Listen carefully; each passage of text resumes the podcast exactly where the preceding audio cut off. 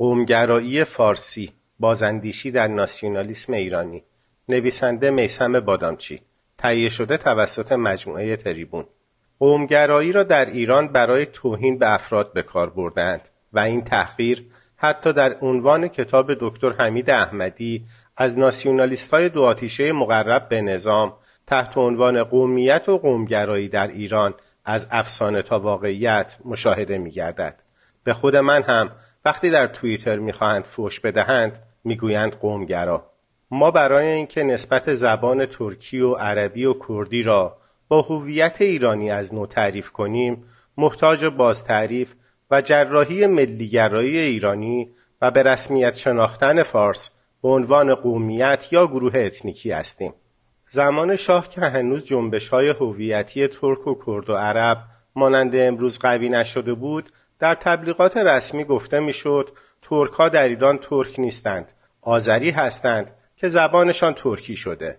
یا می‌گفتند عرب ها در ایران بعدا عرب شدند یا اینکه کردی شاخه ای از زبان فارسی است و الی آخر. امروز این جواب نمی‌دهد.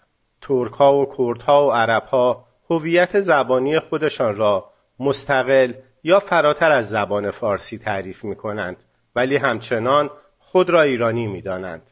با آنها که خودشان را ایرانی نمی‌دانند کاری ندارم. ما باید برای این فرمول بیاییم و ملیگرایی ایرانی را از نو تعریف کنیم. پذیرش وجود هویت قومی برای فارسی زبانها و مساوی دانستن آنها از این منظر با ترک ها و کردها و غیره از لوازم این باز تعریف است.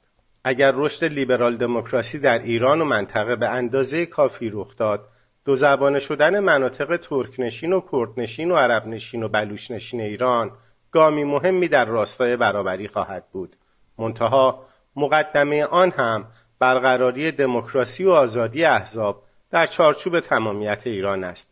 ما هم ایرانگرا هستیم. منتها از نوع خودمان و به شیوه پلورالیستی و بر ضد شوونیسم در هر پوششی.